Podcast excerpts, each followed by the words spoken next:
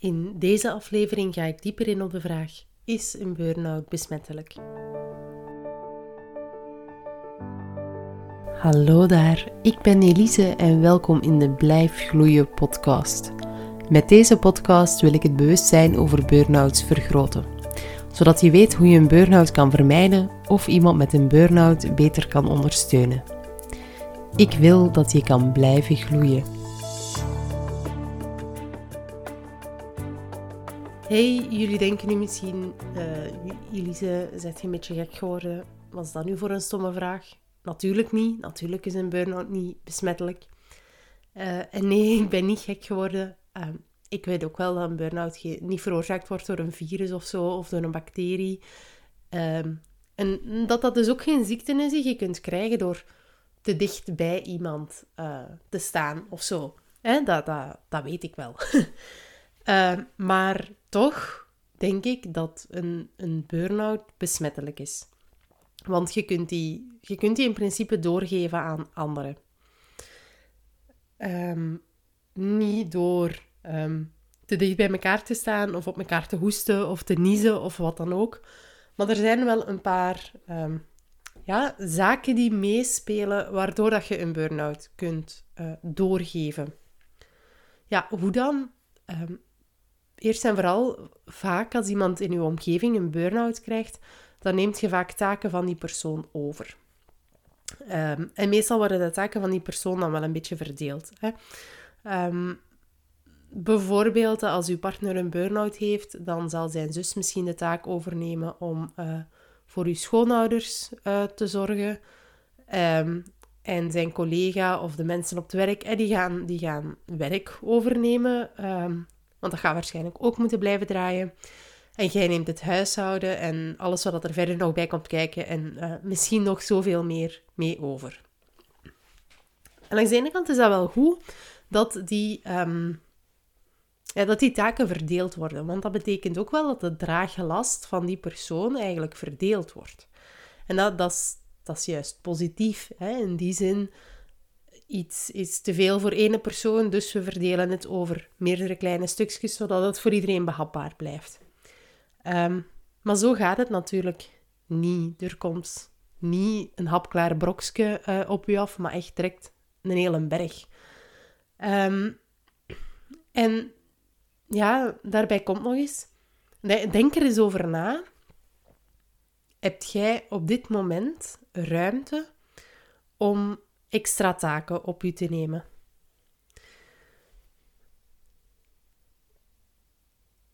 En als het antwoord daarop ja is, ja, ik heb, ik heb echt wel extra ruimte om, om taken op mij te nemen, of om meer op mij te nemen, ja, super. Hè? Dan zijn je waarschijnlijk al heel goed in het stellen van je grenzen.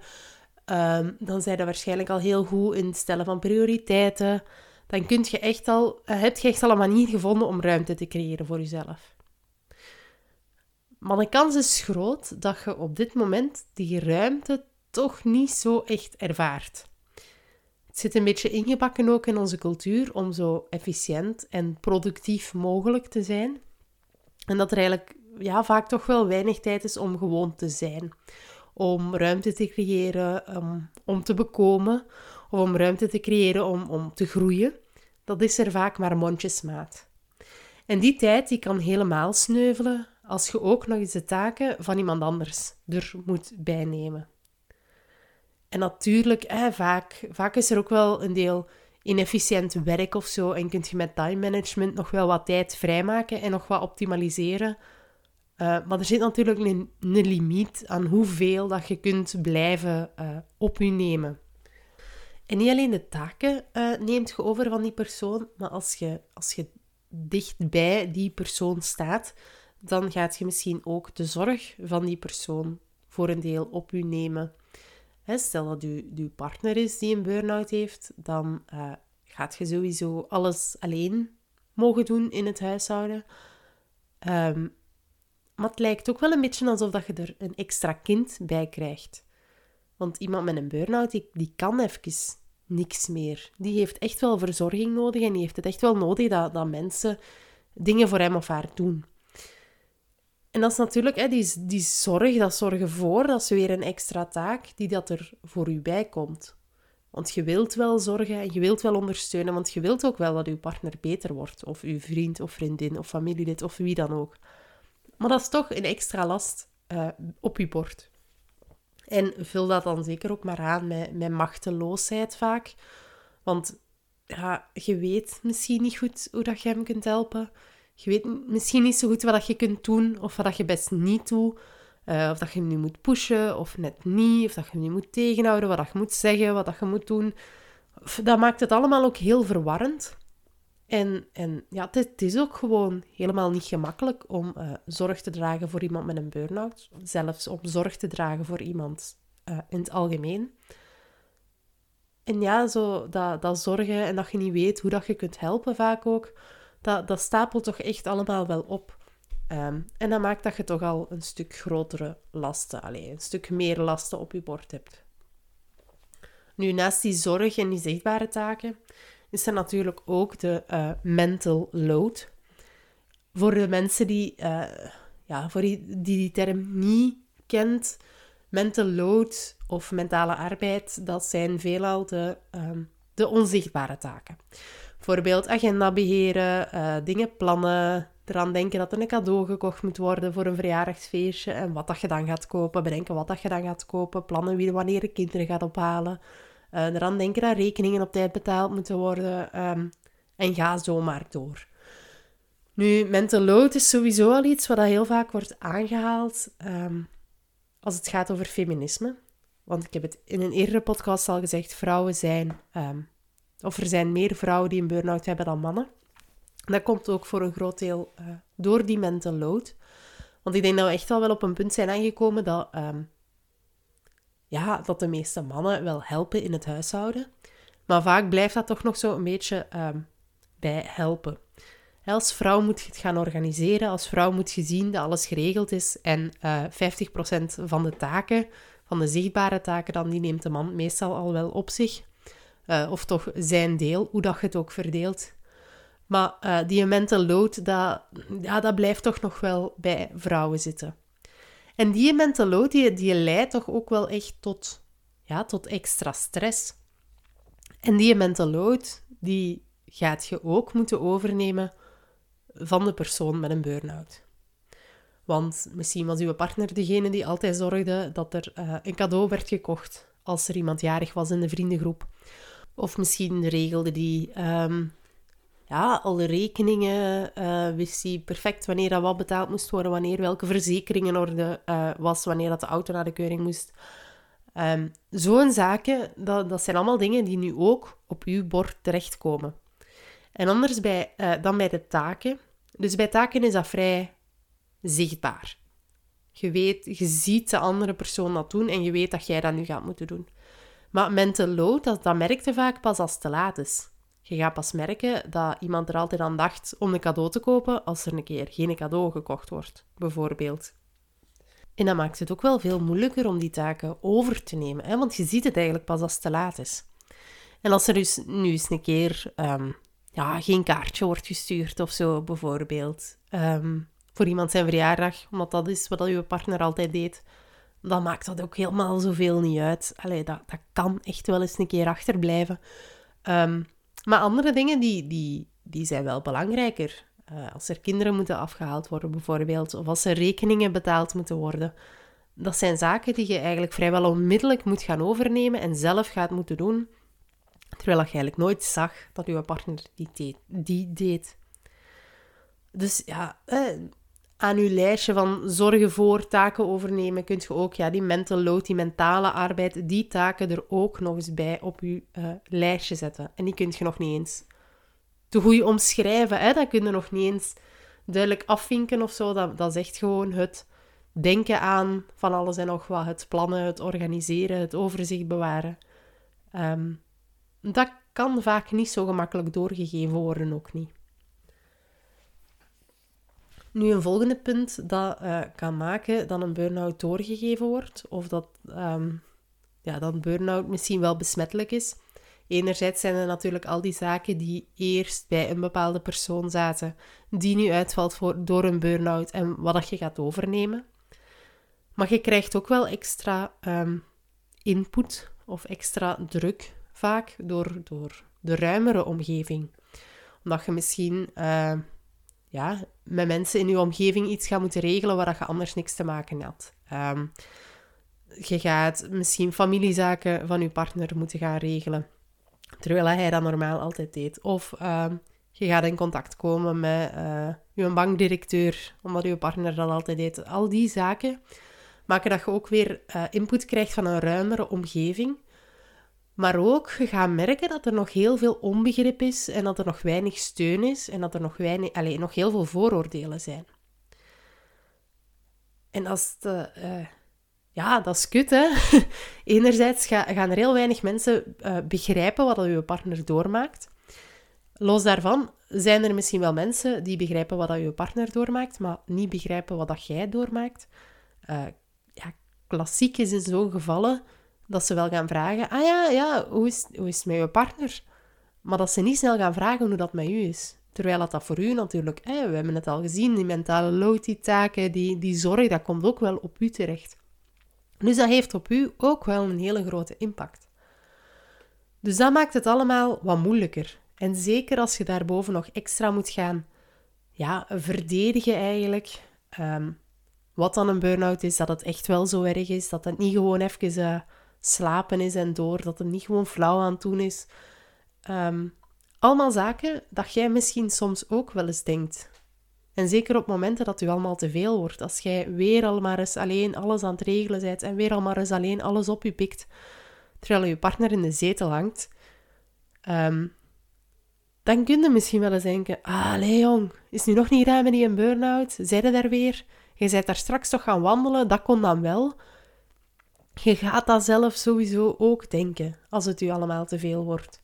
En dat is ook heel logisch, er is ook niks mis mee. Maar het feit dat je die gedachte hebt, dat maakt het ook veel moeilijker om voor, voor iemand met een burn-out te zorgen. Misschien voelt je ook schuldig dat je zo'n gedachte hebt. Dat, dat kost dan weer energie. En die energie gaat je echt wel nodig hebben voor uh, ja, die taken op je te nemen, die zorg op je te nemen en zo verder. Um, dus daarom is het ook wel belangrijk om, om wat beter te begrijpen wat dan een burn-out is. Voor uzelf, maar ook om, om een beetje antwoord te kunnen geven aan uw omgeving. Uh, daarnaast, ja, je vertoeft waarschijnlijk in dezelfde omgeving. Hè, ofwel is dat op het werk als collega, ofwel is dat in dezelfde vriendengroep of uh, in dezelfde familie. En vaak zitten er in de omgeving ook factoren die bijdragen uh, of bij kunnen dragen tot een burn-out. Um, als je bijvoorbeeld dezelfde overtuigingen hebt van wat dat goed is of wat dat slecht is, of dat je vooral hard moet werken, dat je nog even moet doorbijten. Hè. Je kent zo'n zinnetjes wel. Als die heel vaak rondgaan in je omgeving, of als het een omgeving is waarin dat, um, het druk hebben, hard werken, dat dat zo wat de belangrijkste of de... Um, ja, dat dat eigenlijk het meeste aanzien krijgt. Dus het aanzien is eigenlijk het druk hebben, uh, hard werken. Dat zijn de dingen waardoor dat je een bepaalde status krijgt. Als dat rondgaat in uw omgeving, maakt dat dat ook weer een factor is. Um, ja, dat jij toch extra kwetsbaar gaat zijn voor een burn-out. En dat allemaal samen maakt ja, dat een burn-out wel besmettelijk kan zijn. Hè. Er komt veel meer op u af, sowieso, wat dat wordt doorgeschoven van de persoon die een burn-out heeft. En daarbij komt ook nog eens onbegrip van jezelf, onbegrip van de omgeving. Ehm, en ja, de omgeving waarin dat je zit is misschien niet zo bekend of vertrouwd met burn-out en kan er ook niet zo goed mee om. Dat je dan niks moet gaan doen of dat, allee, of dat je partner niks moet gaan doen en hoe dat, dat dan allemaal zit. Dat maakt het ook allemaal extra moeilijk. Nu, dat zijn natuurlijk risicofactoren. Hè? Dat is geen directe oorzaak van een burn-out. Hoe kun je daar dan tegen beschermen? Nu, ja, binnenblijven, mondmaskers dragen, dat gaat niet werken. Um, een weetje trouwens, aan het begin van de COVID-pandemie waren er echt veel minder uh, stressgerelateerde klachten, zoals burn-out. Um, dan gaat het misschien over de eerste maand of de eerste twee maanden omdat heel vaak ook mensen het gevoel hadden dat ze wat ademruimte kregen. de, door, door de pandemie werden de, waren de agenda's plots leeg. Er was plots ruimte om niks te gaan doen, want je kon niks doen. Als je chance had, kon je gaan werken en dat was het dan ook. Um, dus ja, hoe vervelend dat dat ook was, het heeft er ook wel voor gezorgd dat, je, uh, dat veel mensen even konden bekomen die eerste maanden. Dus op zich is het wel goed om af en toe zo een pauze te kunnen pakken. Nu, jammer genoeg, hè, die pandemie heeft een heel stuk langer geduurd dan uh, wij allemaal gedacht of gehoopt hadden. Um, en natuurlijk tegen het einde van de pandemie en eigenlijk nog steeds gaat het aantal burn-out gevallen in uh, stijgende lijn. Wat dan natuurlijk ook een kost is van alle extra stress en uh, ja, druk en taken van die periode. Um, maar goed, hoe kun je dan beschermen tegen uh, een burn-out of tegen de besmettelijkheid van een burn-out? Degenen die de aflevering Heb je te veel op je bord hebben geluisterd, die gaan al weten dat burn-out eigenlijk betekent dat uw draagkracht en uw draaglast uit balans zijn. Um, dus dat is eigenlijk dat je meer op je dak krijgt dan dat je op dat moment aan kunt. En er zijn ook twee manieren uh, waarop dat je daar iets aan kunt doen. En dat is enerzijds je draagkracht vergroten of je uh, draaglast verkleinen. En je draagkracht vergroten kun je in dit geval doen door uh, goed voor jezelf te zorgen. Door ervoor te zorgen dat je nog steeds de ruimte hebt om jezelf ook te zijn. En dat kan door grenzen te stellen of door hulp in te schakelen. Dat is een beetje het principe ook van zet je eigen zuurstofmasker eerst op. Uh, en dat is helemaal niet omdat je egoïstisch bent of dat je denkt, ja, ik en de rest kan stikken. Maar wel omdat je niemand kunt helpen als je bewusteloos bent door te weinig zuurstof. En dat geldt ook voor als je zorg draagt voor iemand met een burn-out of als je zorg draagt voor iemand in het algemeen. Je kunt niemand helpen die een burn-out heeft als jij zelf een burn-out hebt. Je kunt geen taken overnemen van anderen. Uh, je kunt niet voor die persoon zorgen als jij op dit moment niet eens voor jezelf kunt zorgen en niet eens je eigen taken uh, kunt oppikken. Dus het is heel belangrijk uh, dat je gaat zorgen voor jezelf. Nu, anderzijds, je zou je draaglast kunnen verkleinen. En dat doet je opnieuw ook door grenzen te stellen en door hulp te vragen. En belangrijke daarbij is ook wel dat je, um, dat je weet dat je niet aan de verwachtingen van de persoon met een burn-out moet uh, voldoen. En als misschien, ja, dat klinkt misschien wel vreemd, maar het is niet um, omdat je partner wekelijks gras afreed, dat jij dat nu ook wekelijks moet gaan doen. Uh, en dat gaat waarschijnlijk wel voor wat, voor wat wrijving zorgen ook.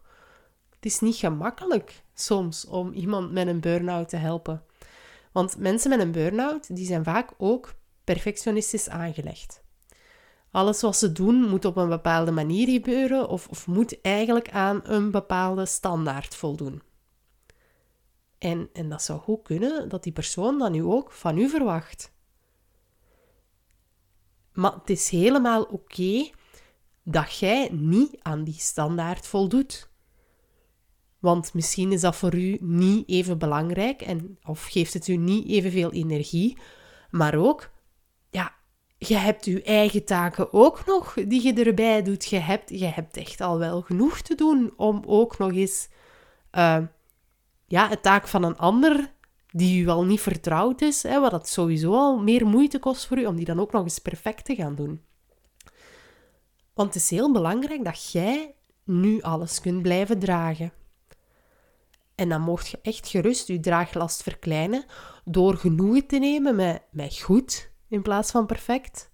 Of zelfs al met oké. Maar dat, kan natuurlijk, ja, dat is natuurlijk geen gemakkelijke situatie. Dus ja, hoewel dat je geen burn-out kunt krijgen door bijvoorbeeld te dicht bij een persoon te staan of op elkaar te hoesten of dus, eh, op elkaar te niezen, weet ik veel, uh, zijt je wel extra vatbaar voor een burn-out als dat in uw naaste omgeving gebeurt. En je kunt jezelf wel beschermen door goed voor jezelf te zorgen en zo je draagkracht te vergroten, of door je draaglast te verkleinen, Bijvoorbeeld door zaken uit te besteden en uh, grenzen te stellen. Tot een volgende keer. Bedankt voor het luisteren van deze aflevering. Ik hoor graag wat je ervan vond. Je mag me altijd een bericht sturen via Facebook of Instagram. Deel deze aflevering zeker met anderen die er ook iets aan kunnen hebben. Als je deelt via Facebook of Instagram, vergeet me dan niet te taggen.